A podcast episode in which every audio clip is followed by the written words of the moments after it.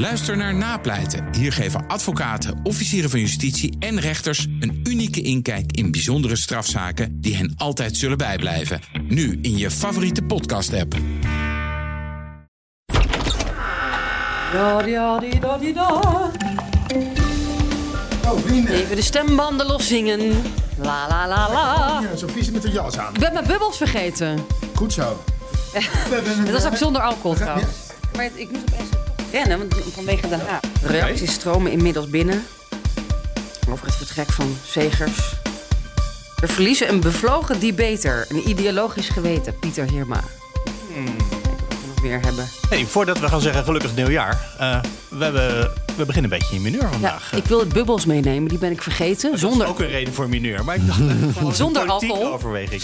Ja, nou, ik ben wel een beetje van aangeslagen. Ja. Ook dacht dat je wilde zeggen, ik wil een fles champagne opentrekken omdat Zegers weggaat.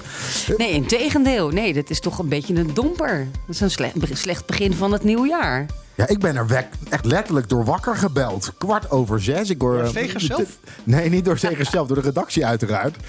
En ik nam nog zo slaapdronken nam ik op. Zo, hallo.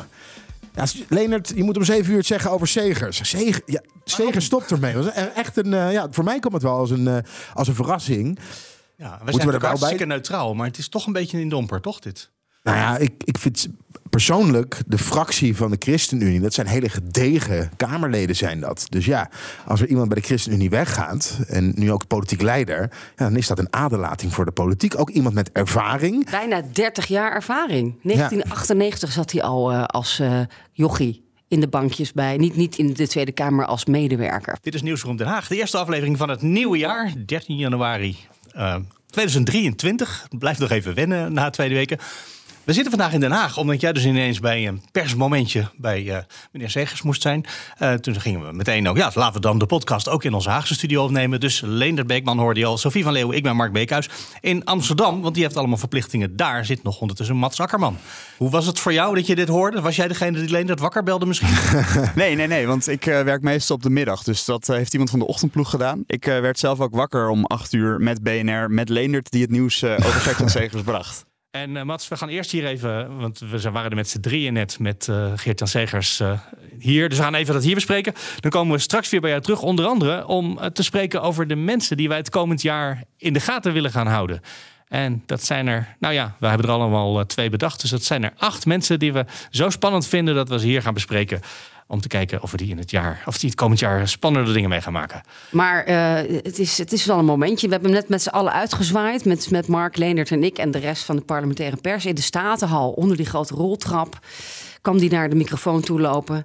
En eh, het zit erop. Het is mooi geweest. En eh, zijn tong hangt nog net niet op zijn voeten, geloof ik. Ehm, ik zie uit naar wat gaat komen. Dat, dat ligt helemaal open. Dus daar ben ik gewoon ontzettend benieuwd naar. Dus dat is, ja, het is een, een, een, een mooie nieuwe fase die er, die er aan gaat komen, hoop ik.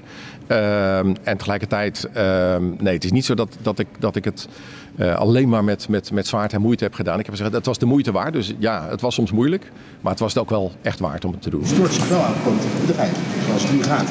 Aan sommige onderdelen. Maar er zijn ook heel veel mensen bij heel veel partijen die iedere dag naartoe gaan met de oprechte wil om iets goed voor hun land te doen. En dat vind ik ook heel mooi en dat is ook volop aanwezig. En daar stoor ik me niet aan. Dat geeft Mirjam Dikker mee, als nieuwe politiek leider.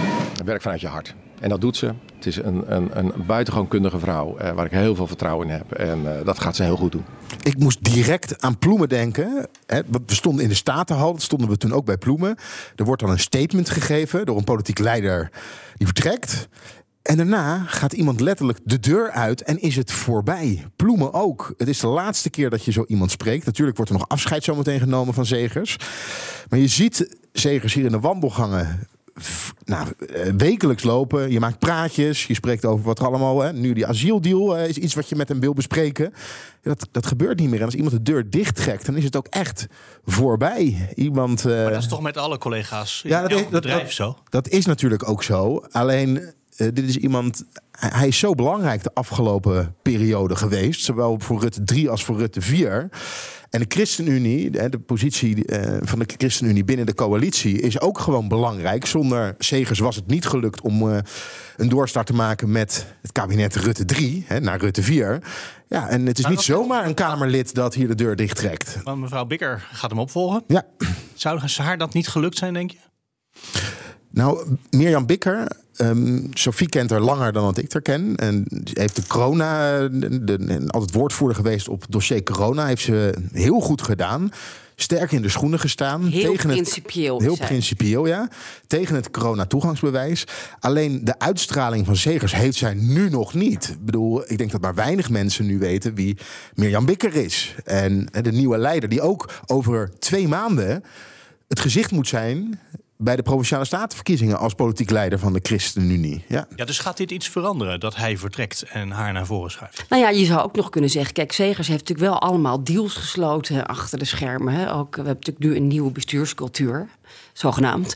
Maar eh, is ook wel het gezicht hè, van... Eerst de nare verwijzing naar de bestuurscultuur is weg. Nou, maar hij is natuurlijk wel de enige, hij is natuurlijk wel de enige geweest die daar enig gehoor aan gegeven heeft. Want het was de inzet van D66, die nieuwe bestuurscultuur. Dualisme.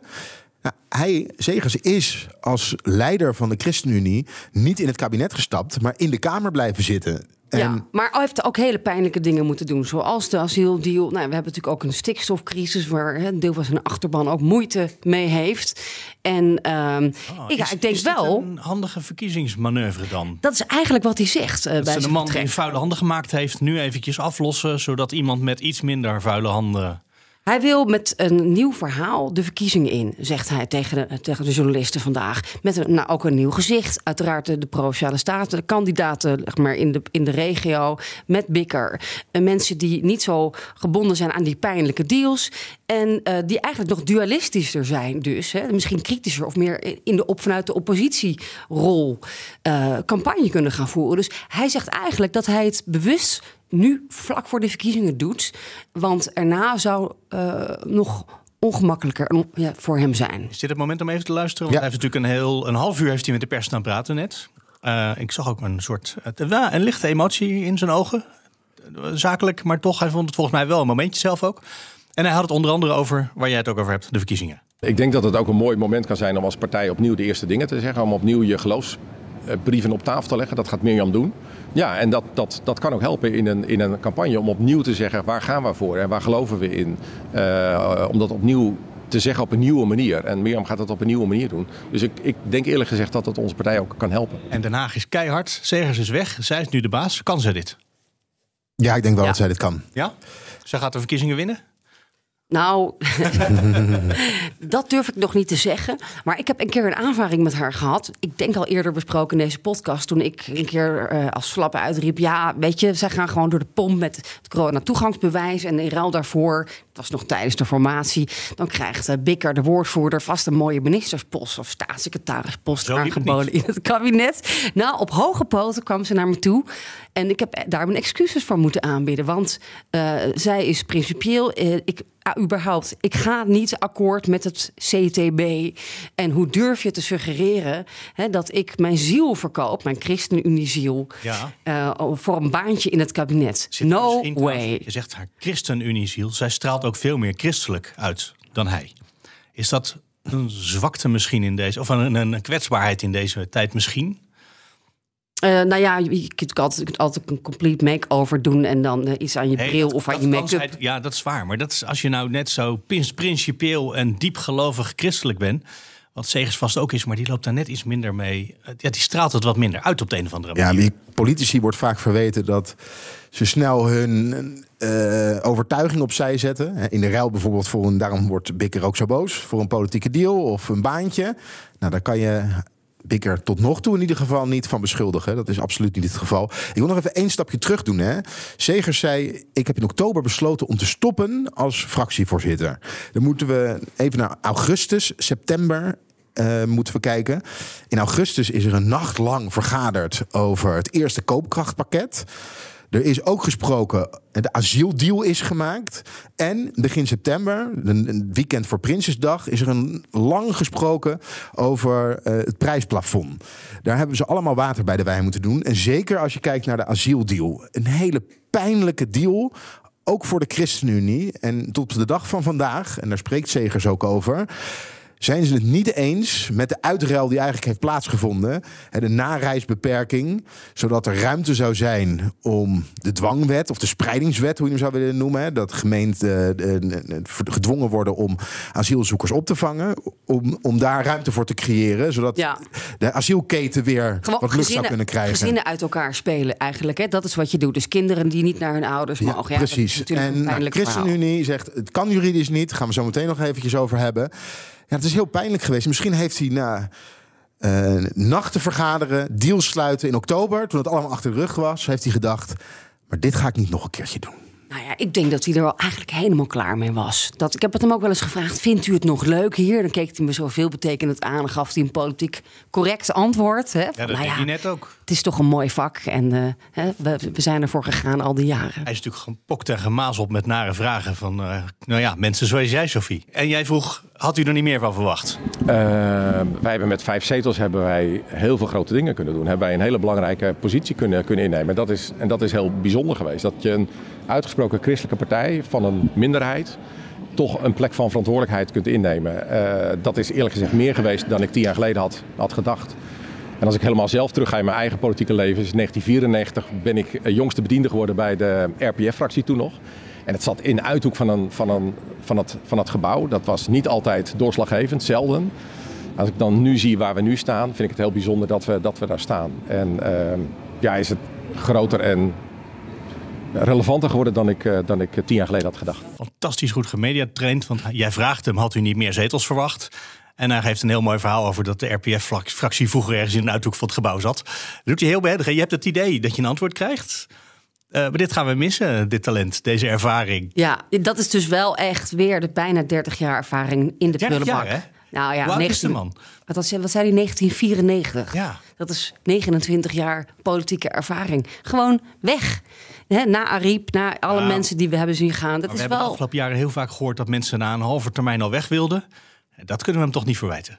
Wacht even, hij zit nu dus twee jaar na de verkiezingen zijn we bijna. Ja, dat is ook wel een beetje je kiezers teleurstellen natuurlijk, hè? Oh ja? Nou ja, als daar, daar, De daar helft kunnen we... volgehouden, de helft van de tijd. De- de- dus ja, je gaat, je gaat eh, voortijdig weg. Dat was ook altijd de kritiek van Ariep, die zelf ook voortijdig wegging.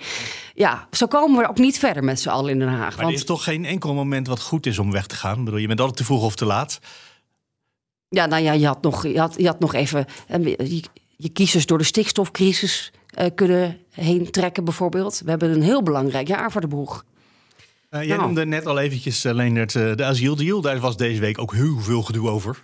Ja, daar was heel veel gedoe over. Want want ik heb het op een afstandje gevolgd en Sophie was echt vrij. En Mats zat op de nieuwsredactie bezig met andere dingen, denk ik. Dus wij weten allemaal niks. Ah, nou, dan kwam eerst een brief van staatssecretaris Van den Burg. De nareismaatregel schorten we op, in ieder geval voor de nieuwe aanvragen voor gezinshereniging. Wat mij opviel alleen, er, dus het was dus eigenlijk eh, eh, tijdelijk. Wat, dat, eigenlijk aanvankelijk was het ook al tijdelijk, toch? Want Ja, tijdelijk even mag je gezin niet bij elkaar. Ja, en nu jaar. hebben we dus weer een soort van tijdelijke opschorting. Dus we, we zijn iets tijdelijk, tijdelijk aan het opschorten. Ja, ik word, en een, be- ik word wat- ben, ben een beetje verdwaald in eh, Ja. deze wat- politieke doolhof. Ja, en waarom doet Van den Burg het? En dan schrijft hij in zijn brief: Ik doe het omdat er nu al zoveel gerechtelijk, of rechtelijke uitspraken zijn geweest. waarin we geen gelijk hebben gekregen. Totdat de Raad van State er een definitief in het hoger beroep een definitieve uitspraak over gedaan heeft, schorten we het op. En een dag later was dus de zitting bij de Raad van State. Die heb ik helemaal gevolgd. En ik kan het eigenlijk in het kort samenvatten. Eh, het standpunt van de staatssecretaris werd verwoord door de landsadvocaat. En zij zeggen eigenlijk: ja, wij vinden dat het juridisch wel kan. Heel ingewikkeld verhaal. Maar eigenlijk is dat niet van heel erg groot belang, want we hebben te maken met een unieke situatie. En bij een, ook al zou het juridisch niet kunnen, zou het ingaan tegen nationale wetgeving en eh, internationale verdragen. In de internationale verdragen staat ook op het moment dat er een, een crisissituatie is, kan je ervan afwijken. Namelijk de mensen liggen buiten in Ter Apel. Ja. En eh, de drie advocaten, want er zaten drie advocaten van, eh, het was een hoger beroep. Drie zaken, ze hadden het gebundeld. En zij zeiden eigenlijk: nee, je hebt de politieke werkelijkheid en je hebt de juridische werkelijkheid. En die politieke werkelijkheid doet er eigenlijk helemaal niet toe. En ze maken zich ernstige zorgen Maar- over de rechtsstaat. En ik Ja. sprak een van de advocaten, Eva eh, Bezem. En zij zei daar het volgende over. Het punt is dat ehm, de staatssecretaris hier iets doet waarvan hij zelf al op voorhand wist dat het toch geen kans van slagen zou hebben. Omdat het, nou ja, voor juristen is het heel simpel. Er is geen wettelijke grondslag. Als er geen wettelijke grondslag is voor zo'n maatregel, dan mag je hem niet zomaar opleggen. En dan hebben we dan ook gezien dat hè, vanuit het ambtelijk apparaat, uiteraard vanuit de juridische wereld, maar ook vanuit de wetenschap. En vanuit de Tweede Kamer werd gezegd: doe het niet. Ja. Of toets het in ieder geval bij het adviesorgaan van de Raad van State. Dat gebeurt dan niet. Hoe heeft u daar nou naar gekeken? Nou, met frustratie. Ik vind, het, ik vind het zelf best wel erg. Want kijk, wa- wat je doet door dit zo te doen is... je geeft de advocatuur een hoop extra werk waar ze niet op zitten te wachten. Je geeft de rechterlijke macht een hoop extra werk. We hebben van de week nog gelezen dat er 800 rechters tekort zijn op dit moment. Dat is best wel een hoog tekort. Denk aan het IND-personeel. Zijn al die mensen die nu allemaal maatregel, die maatregelen aan het verwerken zijn in besluiten... waarvan over een paar weken de Raad van State hopelijk zal zeggen... nou, dat mag niet. Dat betekent dat ze nog meer werk krijgen. En die zegt eh, in zekere zin ook: we zitten hier als gevolg van een politieke discussie. Niet als gevolg van een juridische discussie. Absoluut, dat is precies wat ik zeg, inderdaad. Ja, legt u dat eens toe? Nou, kijk, het, het, het is niet juridisch ehm, interessant eigenlijk. Kijk, er wordt heel veel eh, aangedragen. En ik snap dat als je die zitting nu live zou hebben gevolgd... dat je denkt, wow, wat een, wat een ingewikkelde juridische discussie. Maar ik hoop toch dat je aan de kant van, hè, van, van mijzelf en mijn, mijn collega-advocaten... vooral hebt gehoord van jongens, er is gewoon geen grondslag om dit zo te doen... Dus we kunnen tot in het oneindige praten over hoe vervelend het is dat er problemen zijn met die asielopvang. Maar het punt is dat dat geen onderdeel uitmaakt van de juridische discussie. Voor heel veel mensen in Nederland maakt het natuurlijk wel uit. Hè? Mensen die op een huis zitten te wachten. Ook, Ja. hè? ook gewoon eh, eh, de mensen die al in Nederland wonen. Zeggen van ja, eh, dat, dat, dat probleem met de opvang van asielzoekers raakt ook mij. Ja, dat vind ik er ook precies zo vervelend aan. Is dat wat hier nu gebeurt in de politiek, gaan ze een, een, een recht wat je hebt als vluchteling, als politiek vluchteling ook nog, nog vaak, om herenigd te worden met je gezinsleden, gaan we ineens inzetten ehm, als een manier om die opvangcrisis op te lossen. Terwijl dat we allemaal al wisten dat dat juridisch nergens op slaat. Kijk, als je die opvangcrisis wil oplossen, dan moet je gaan kijken naar manieren van opvang. En dan moet je niet andere mensenrechten die we met z'n allen hebben afgesproken, waar we bepaalde ideeën over hebben, wat gewoon verankerd is in wetgeving, dat ineens opzij zetten. Dat is wat er zo vervelend aan is, is dat die discussie niet, niet zuiver wordt gevoerd. En dat, dat is denk ik wat hier zo problematisch aan is, is dat iemand die misschien anti-immigratie stemt, denkt hartstikke goed, die nareismaatregel. Terwijl dat iedere jurist weet, ja, maar dit is allemaal symboolpolitiek, want je kan dit toch niet hard maken bij een rechter. Eh, nog één vraagje. Ziet u parallellen met de toeslagenaffaire? Hè? Want daar het vorige kabinet op gevallen is. Want we hebben het hier ook over ehm, mensen in onze samenleving eh, met een zwakke rechtspositie. Nou ja, dat, dat, is- dat is eigenlijk de. Je kunt, je kunt er van alles juridisch bij gaan halen. Maar als je gewoon echt kijkt naar wat is er nou echt aan de hand. Ja, het is nou juist zo dat als je kijkt naar vluchtelingen en hun gezinsleden. Dat zijn mensen die, die, ja, die, zitten, die zitten in de ergste periode van hun, hun leven. Die, die zijn continu in angst. Die, die zijn, zijn uit elkaar getrokken. Minderjarige kinderen zijn niet meer bij hun ouders. En allemaal dat soort dingen. Ehm, en het zijn geen mensen die zelf eh, naar de radio of naar de tv zullen gaan om te gaan zeggen: hé, hey, maar dit zijn mijn rechten, verdorie, en ik heb hier recht op. Dus je zit echt met hele, ja, met, met echt wel de zwakkere, eh, ehm, zwakkere personen in onze samenleving die wel hele fundamentele rechten hebben. En ik denk in die zin dat er zeker een link is met de toeslagenaffaire. Dat is Zo. best een heftige mededeling, hè? Ja, Om het zo te benoemen. niks geleerd. Nee. Nou, dat wisten we al wel. Dit is de oude bestuurscultuur, is dit. Ja, en dan eh, dit ook nog vlak voor de verkiezingen.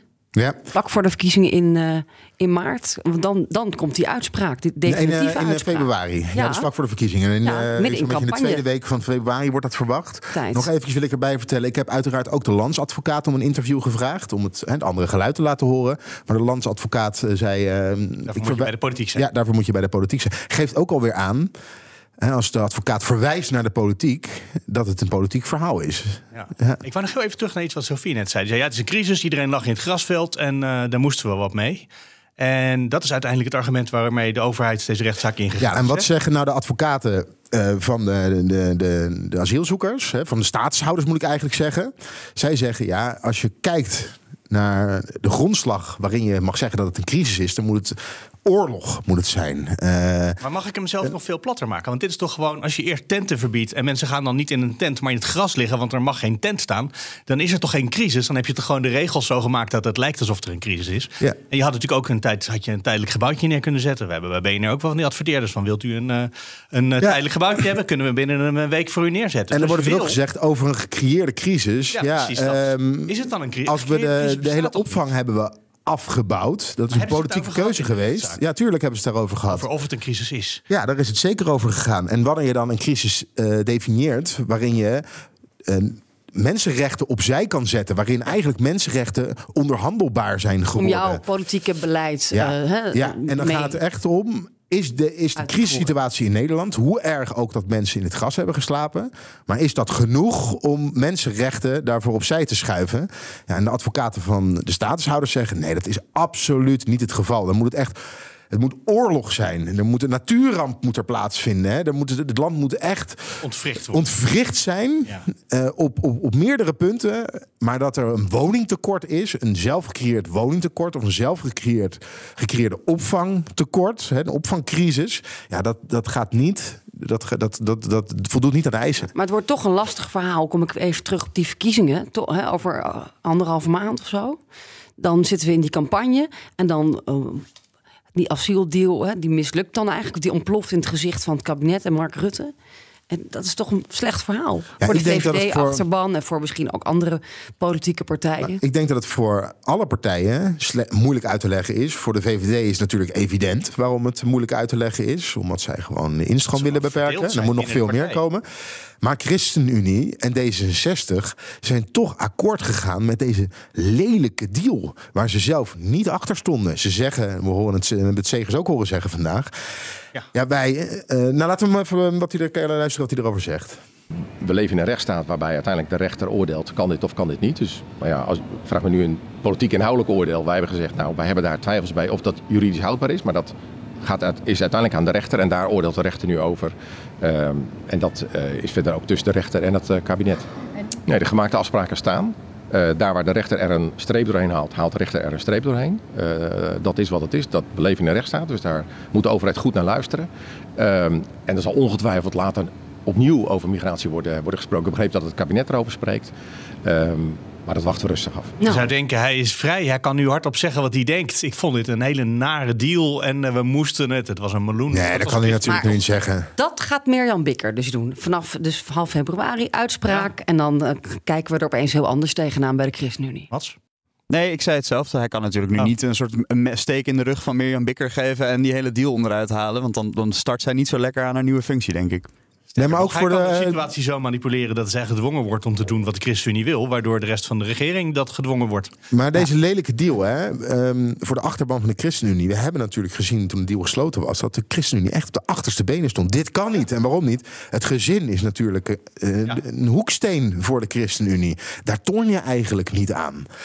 En dan D66. Ja, D66 is een partij. Zij willen helemaal niets doen aan instroombeperkende maatregelen. En al helemaal niet als het ingaat tegen, tegen wetgeving en internationale Dat we verdragen. extra instroom nodig hebben, want Ja, maar- we hebben allerlei arbeidstekort. Want Ja. hun achterban die hebben genoeg geld om nog wel een huis te kopen op deze markt. Met hoge rente. En dat is natuurlijk ook weer zo bij de D66. Maar goed, je hoort ze ook helemaal niet D66. Het Zijn, Nee. Die hele achterban, niemand roert zich. Ik zou niet eens weten ook wie de woordvoerder eigenlijk is van D66 op dit eh, dossier. Bij die andere drie zijn ze alle, allemaal heel zichtbaar. Hè? Ruben dat. Brekelmans en eh Don Seder. Maar ja, bij D66... Ja, ja. D66'ers wonen niet in sociale huurwoningen. Dus ja, dat is, dat is Nou, voor hen geen... Het zijn toch traditioneel ook studenten? Die wonen in studentenkamers voor een deel zelfs nog. Ja, dat is Nou. ook weer waar. Met, eh, sinds, allemaal? sinds de studieschuld eh is opgelegd, eh, zijn die ook een beetje aan het weglopen hoor. Ja. Nou ja, dat, ja, nou, ze waren de laatste keer nog heel erg groot. Ik weet het eigenlijk Wat, ook niet. wat, eh, welke partij doet het goed onder studenten dan, Mat? Weet jij dat? Volt. Poeh, ja, Volt inderdaad is natuurlijk wel opkomend. Eh PvdA hoor ik de laatste tijd ook wel wat vaker opeens weer. Eh, GroenLinks en ja, natuurlijk. 21. En uh, inderdaad wat inderdaad, ja, 21. Dus eh, ja, ik denk dat D66 wel aan, aan meerdere kanten wat verliesjes gaat leiden. Oké, wij dachten dat er vandaag helemaal geen nieuws zou zijn. Eh, dat bleek, eh, wij vergisten ons dat er op de eerste dag... Nou, het is al niet eens de eerste dag van het jaar... want dinsdag gaat de Tweede Kamer pas weer echt beginnen. Eh, dus we hadden bedacht, we gaan iets anders doen. Laten we daar nu mee beginnen in deze tweede helft van de podcast. Een beetje vooruitkijken naar het komend jaar. Namen van mensen op wie we moeten letten. Misschien moeten we maar in Amsterdam beginnen, bij Mats. In, uh, je zit in het kleinste studiootje wat we hebben kunnen vinden voor je daar. Ja, ik zit in een, dat noemen wij een vondel. Dat is een hokje van, uh, ik denk, 1 bij 2 vierkante meter afgesloten. Nou, ik denk dus dat je ruimte lekker warm. ja, misschien Mats, is het mag, nog wel wat kleiner. Eén ding zeggen over Vondel, dat uh, dateert nog van toen ik ooit begon bij BNR. Zaten we in de Vondelstraat, vlakbij het Vondelpark, in een oud pan waar muizen over tafel liepen in Amsterdam. Centrum. Stel niet over het toilet. Dus meer. dus die studio die is eervol vernoemd. Het zijn er volgens mij drie, hè, de vondeltjes, naar waar BNR ooit begon. Wat is het? Kleine studiootjes. 20 jaar geleden, meer al? 25, 20? Ja, bijna volgend jaar 25 jaar. Ja. Een lustrum. Dus vanuit de Vondel, Mats Akkerman. Nou, de- dan zal ik eh, de eerste naam erin Ja, gooien waar, ik me op verheug. eh, en waarvan ik hoop dat ze eh, terugkomt in de Tweede Kamer. Dat is eh, Esther Ouwehand. Eh, natuurlijk de partijleider van de Partij voor de Dieren. Die eind vorig jaar, volgens mij september of oktober, de Kamer verliet vanwege eh, overspannenheid. eh, wat ze al eerder een keer had gedaan toen ze bijna een jaar weg was vanwege een burn-out. En eh, ja, zij, het plan was dat zij vlak voor de verkiezingen, dus in januari volgens mij, deze maand weer terug zou komen voor die campagne. En ik vind haar een van de beste debaters van de Tweede Kamer. Dus ja, in die zin verheug ik me een beetje op haar terugkomst. En hoop ik ook wel een beetje voor die campagne dat zij hersteld is. Ze gaan meedoen in, in de, eh, bij verschillende provincies. En ze hopen daar op een doorbraak. Misschien ook weer bij de studenten, Mats. Bij de jongeren en de, de mensen die naar de natuurwinkel gaan. Of, of verwacht je daar nou veel van, van de Nou, Partij voor de Dieren? Partij van, voor de Dieren is ook wel, die is al jaren in een stijgende lijn. Volgens mij hebben ze sinds ze in de Kamer zitten nog nooit een verkiezing verloren. Elke keer worden ze groter. En eh, lang was natuurlijk Marianne Thieme de leider. Dat was een beetje, die heeft het volgens mij 15 jaar gedaan. En met de wisseling naar Ouwehand zijn ze eigenlijk alleen nog maar beter gaan doen. En ja, zij is volgens mij wel heel populair eh, onder veel mensen. Dus eh, ja, ik verwacht dat als zij er weer is, dat dat voor de Partij voor de Dieren wel weer een klein winstje in de Eerste Kamer kan gaan opleveren. Aan de andere En ook een grote probleem natuurlijk voor de enorme versnippering hè, op, aan de linkerkant van het eh, politieke speelveld. Ja, er zijn natuurlijk zeker. veel te veel partijen die ook al allemaal met elkaar concurreren. En met PvdA, GroenLinks en de SP. En weet ik wel veel wie nog allemaal erbij en Volt. En ook in de Eerste Kamer voor die meerderheden die het kabinet Rutte gaat zoeken. Ja, dan zit je opeens weer met die Partij voor de Dieren. Die toch wel best wel kritisch is op Heb heel veel kabinetsbeleid. Ja. Een tweede naam. Nou, ik wou nog een korter over zeggen. Als zij Oh. niet terugkomt, dan eh, maar zou ik me wel misschien een beetje zorgen maken over de Partij voor de Dieren. Want ik zie niet 1, 2, 3 iemand die dan eh, heel sterk zo'n campagne in kan gaan. Dus eh, dat, ik weet niet of Leonard en Sofie weten wie dan Nou, de, de logische opvolger zou zijn. Christine Teunissen, toch? Die, die het Ja. nu doet, ja. Helemaal Maar die is wel heel Niet onbekend. slecht.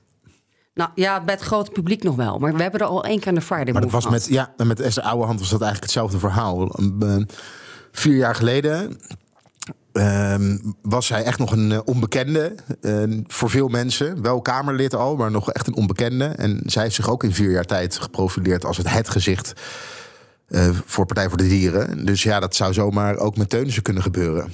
Ja, dat is waar, dat is waar. Maar ik hoop, ik hoop zelf op Ouwehand. Nou, voor de we- debatten we gaan dan. er even bellen, denk ik, eh, komende week. Hoe gaat het met je burn-out? Ja, ja, want dat moet wel voorbij zijn. Anders dan, eh, er- dus er past toch ook iemand na een tweede burn-out voor de tweede keer wel weggegaan. Eh je Slotenweg. eh, nee, sorry. eh, zeg ik dat nou goed als het nou... Harry van die, der die Molen. is weer...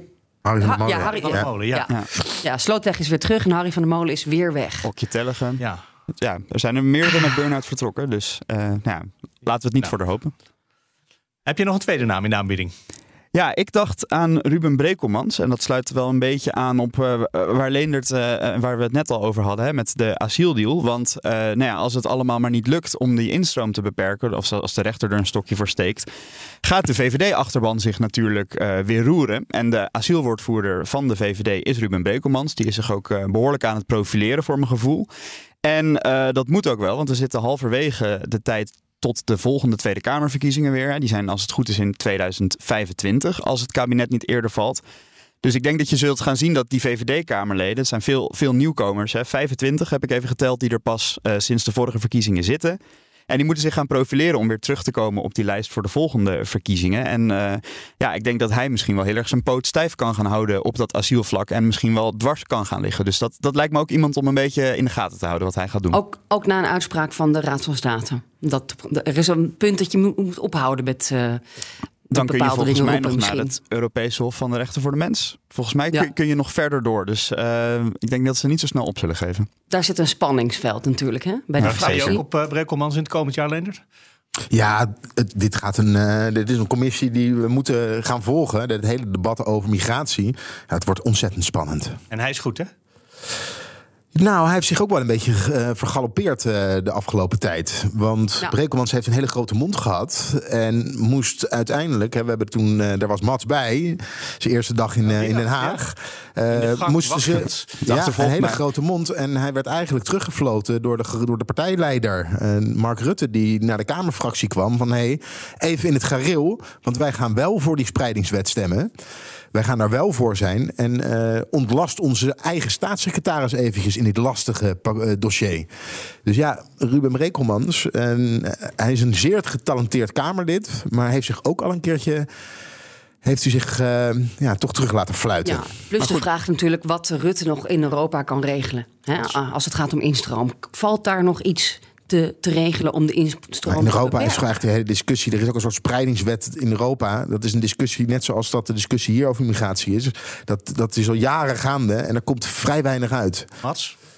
Nou ja, ik wou nog zeggen, hij heeft zich misschien vergalopeerd. Maar misschien is dat ook wel wat de VVD-achterban juist wil zien. Want daar is toch ook onrust geweest het afgelopen jaar. En eh, ja, die moeten toch misschien een beetje de achterban weer naar zich toe trekken. En dat kan misschien Ja. juist met iemand die zich scherp profileert. En misschien een beetje recalcitrant tegen de partijlijn van Rutte ingaat. Die toch ook, ja. Eindelijk was het even moeilijk en bij de VVD, eh, hè? Ja, precies, ja.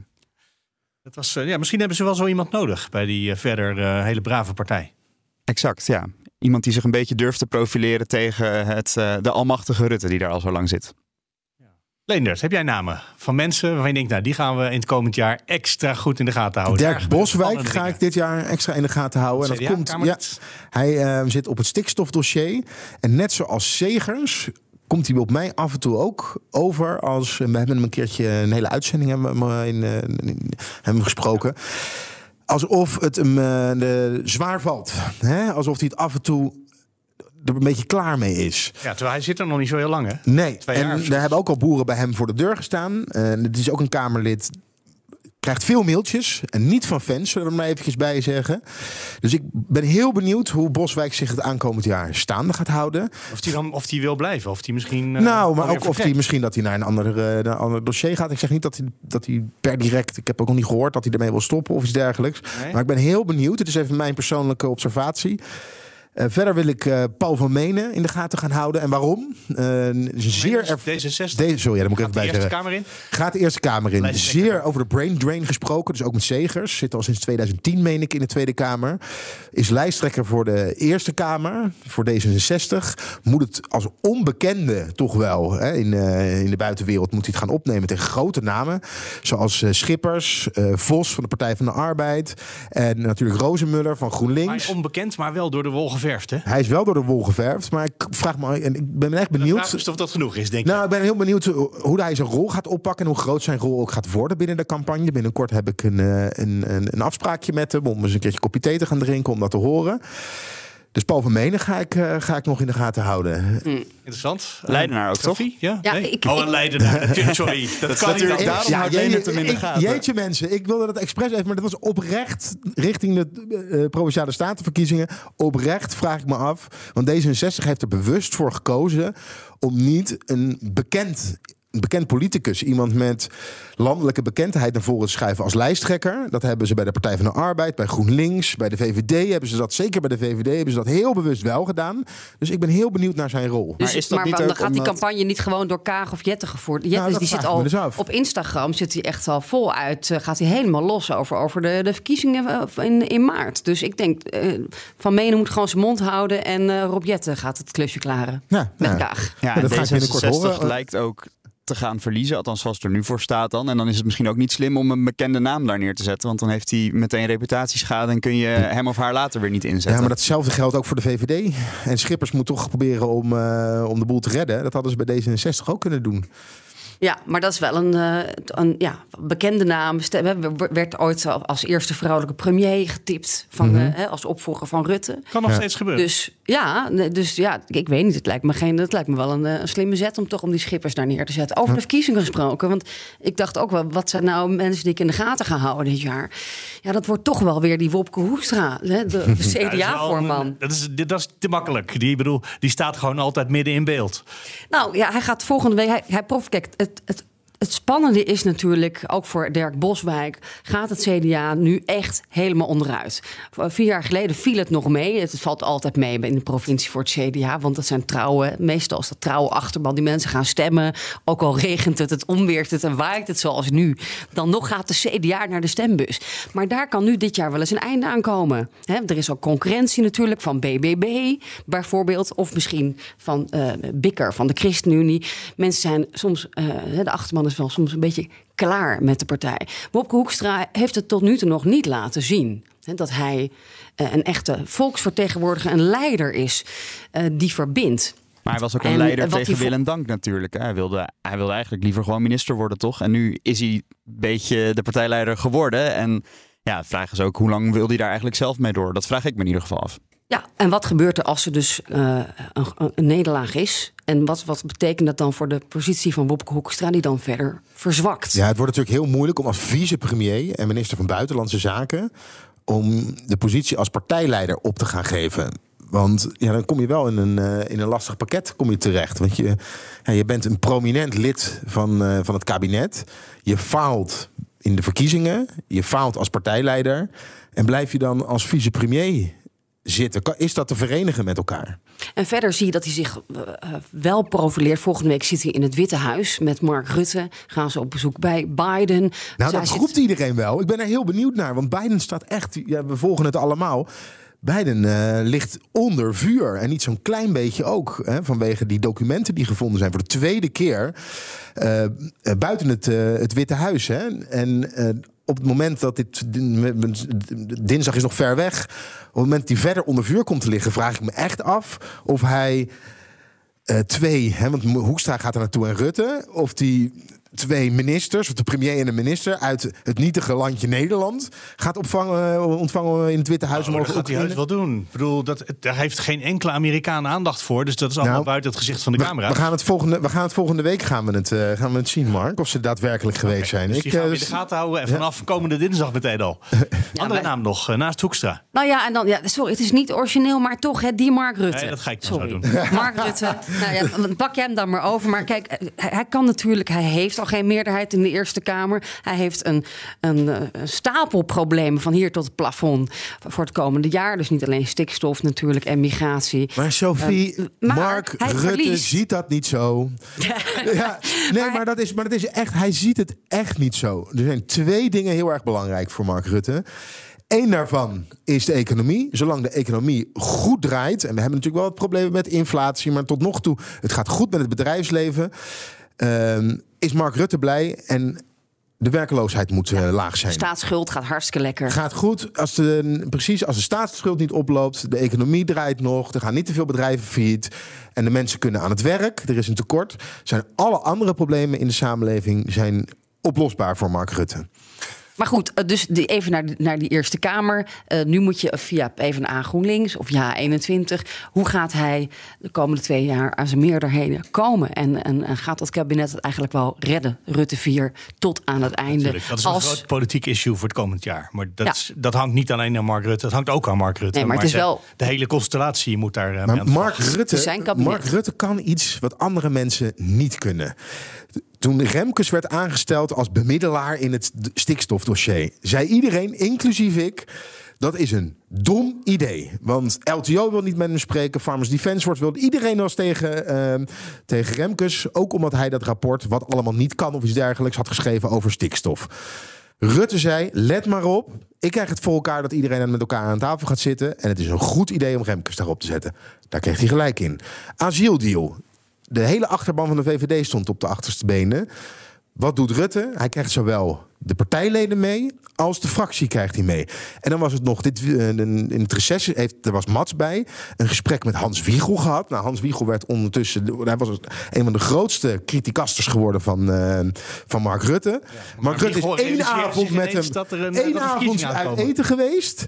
En ja. Wiegel was helemaal om. Wat kan Rutte? Rutte kan de boel 180 eh, graden draaien. En dat gaan we de komende tijd nog steeds zien. Ik, uh, deze man heeft, uh, heeft meer, meer inzicht dan we hem uh, moet, moet ik wel over zeggen dat ik vond dat Wiegel makkelijk overtuigd was hoor. Want als je eerst bakken met kritiek hebt en na één etentje is het allemaal weer goed. Dat ja. klinkt bijna als omkoping. Maar, nee, maar, de, ja, maar hij kan het dus ook met... door dat er verkiezingen aan zitten komen en dat het even niet de tijd is voor interne kritiek. Dat toch? Zo plat is het toch? Of was het zo is het ook wel weer. En het, had, maar, en het had er ook mee te maken dat er natuurlijk een oorlog is en dat het dan wel goed is om een ervaren premier te hebben die ja, wel met een crisis kan omgaan, omdat hij er al meerdere heeft meegemaakt. Dus dat was ook dat Wiegels motivatie. Wordt ook de campagne, net als de vorige keer. Het wordt weer leiderschap, leiderschap. Ga stemmen. En hè, Mark, ja, Rutte op je mobiel. kartonnen Mark Rutte's overal in het land tegenkomen. Dus de, de, de crisis is, is natuurlijk in zijn voordeel. En dat, eh, dus ik ben heel benieuwd. Eh, we zijn er nog niet hoor, in maart.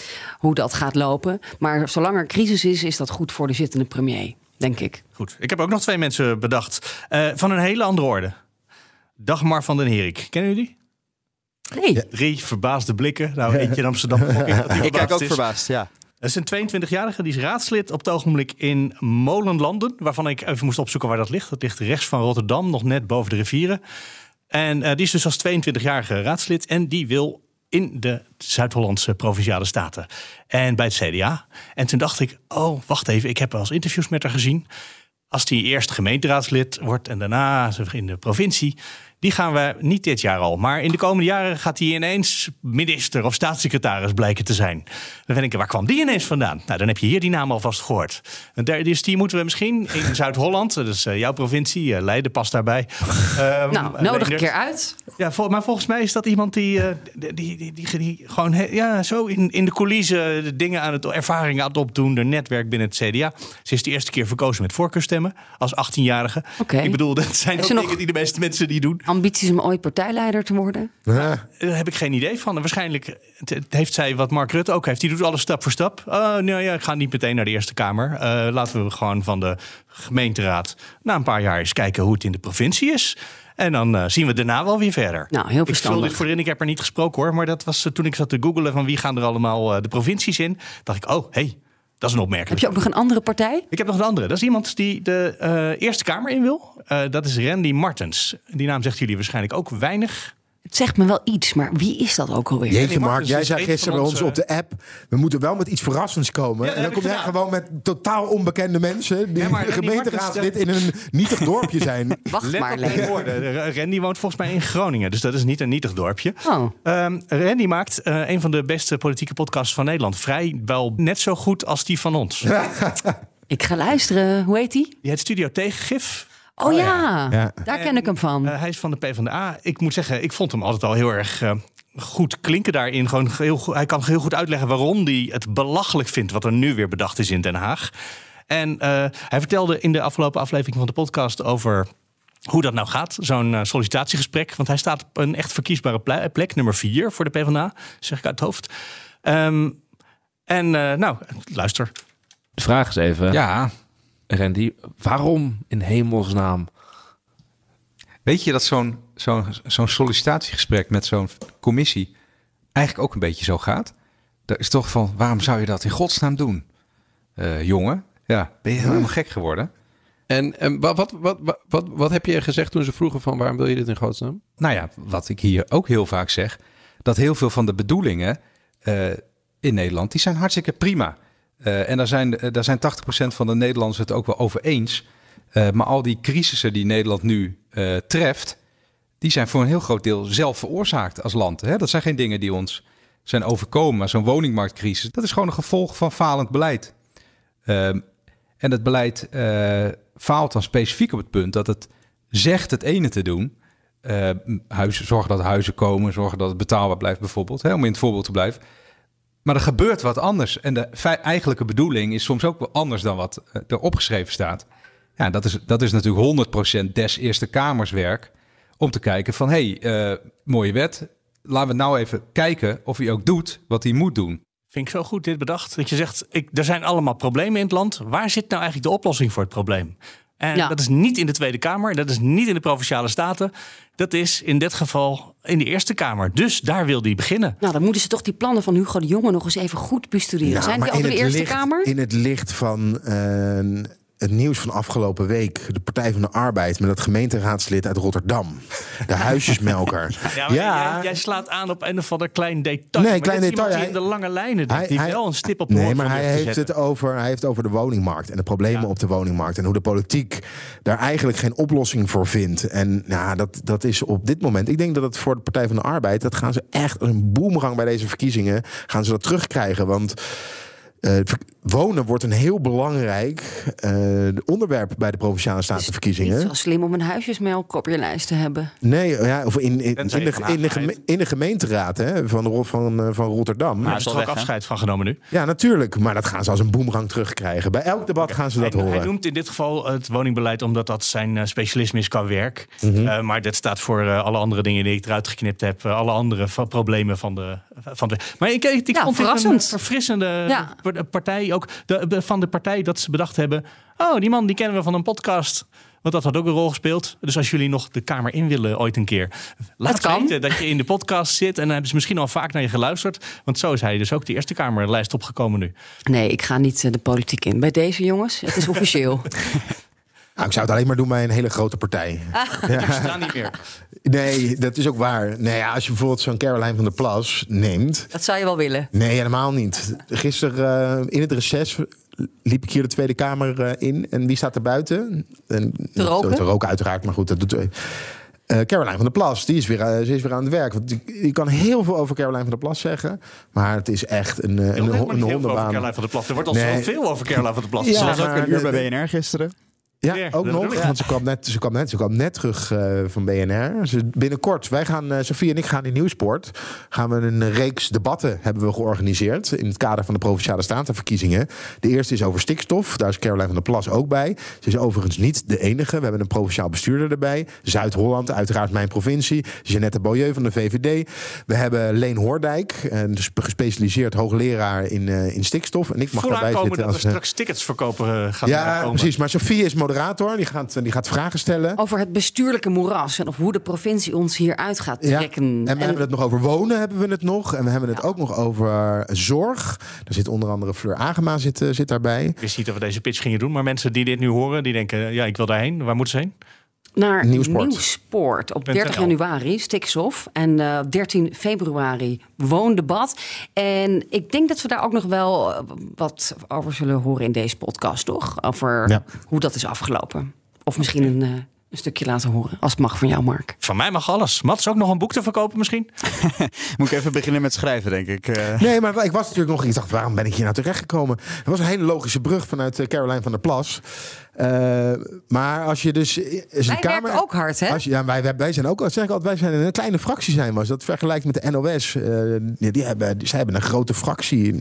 Doen twee onderwerpen per eh, verslaggever, eh, drie. Maar zometeen hebben we iemand van de NOS achter ons aan. Dus we werken ook heel hard. maar hebben wat minder onderwerpen onder elkaar, wat minder partijen te verdelen. Zie je bij krantenredacties zie je dat ook. Maar het is gewoon hard werken als je in een, eh, in een kleine fractie zit. Dus ja, als ik ooit de politiek in ga, wat ik eh, betwijfel. Waarom wil je in een grote fractie? Dan wil ik in een grote. Fractie, zodat je gewoon lekker alleen over stikstof gaat praten. Of, eh, Of alleen over oorlog. eh, ja, over oorlog. Eh, ik, zou, ik zou wel iets met buitenlandbeleid willen doen. Ondanks dat mijn talen niet heel erg goed zijn. Maar dan maak je nog wel eens wat leuke Je reisjes. hebt gewoon zo'n Google Translate en dan kan je gewoon kan je meepraten. Nou ja, Oké, dus Leendert sluit niet uit dat hij ooit de politiek ingaat. Dan weten we dat ook weer. we zitten al in de politiek. En in de politiek kan je nooit iets uitsluiten. Dat hebben we ook wel geleerd. Jongen, wat een je openbaring je allemaal hier. Zeker stellen. In tegenstelling tot uitsluiten. Ga zeker stellen. We komen aan het einde van de podcast voor vandaag. Nee, ik heb nog een leuk dingetje. Nee, vertel. Nou, Gert-Jan Zegers. Nee, niet weer. Is hij terug? Nee, eh Gert-Jan Zegers en ik hebben in hetzelfde huis gewoond. Weliswaar. eh, ja, wij hebben in hetzelfde huis gewoond. Ik, voor de Friday Move stond ik een keertje met Gert-Jan Zegers te praten. En toen vroeg ik waar, tenminste, we kwamen op een bepaalde stad in Zuid-Holland waar hij ook gewoond had. Dus ik vroeg, waar heb jij dan in die stad gewoond? Toen zei hij, op de Beestenmarkt. Op de Beestenmarkt zijn er maar heel weinig huizen. Op welk nummer? Op nummer 9. Nou, daar heb ik ook gewoond. In- maar zat jij in een christelijk studentenhuis of zo Nee, dan? nee, dat was een heel klein eh, onafhankelijk studentenhuisje met zes kamertjes. En hij eh, woonde, heeft in hetzelfde huis gewoond. Dus Gert-Jan Segers. En we hebben elkaar ook net misgelopen.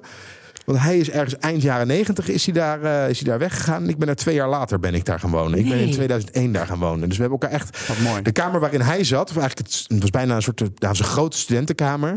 Daar heeft één iemand tussen gezeten.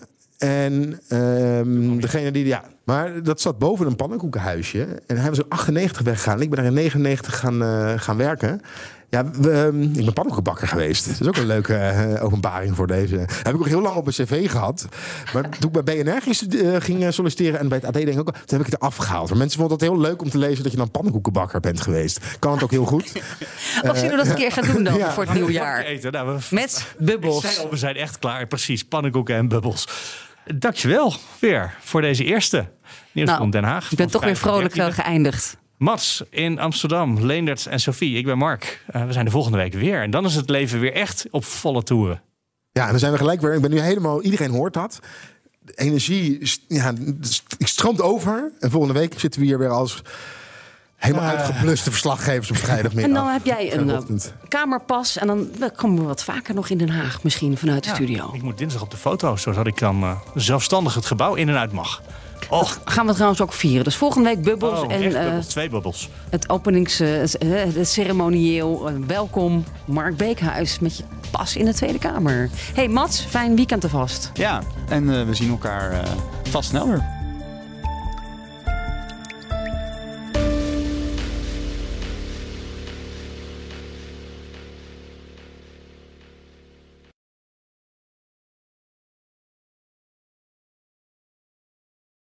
Ook Diana Matroos vind je in de BNR-app. Ja, inderdaad. Je kunt live naar mij luisteren tijdens de Big Five.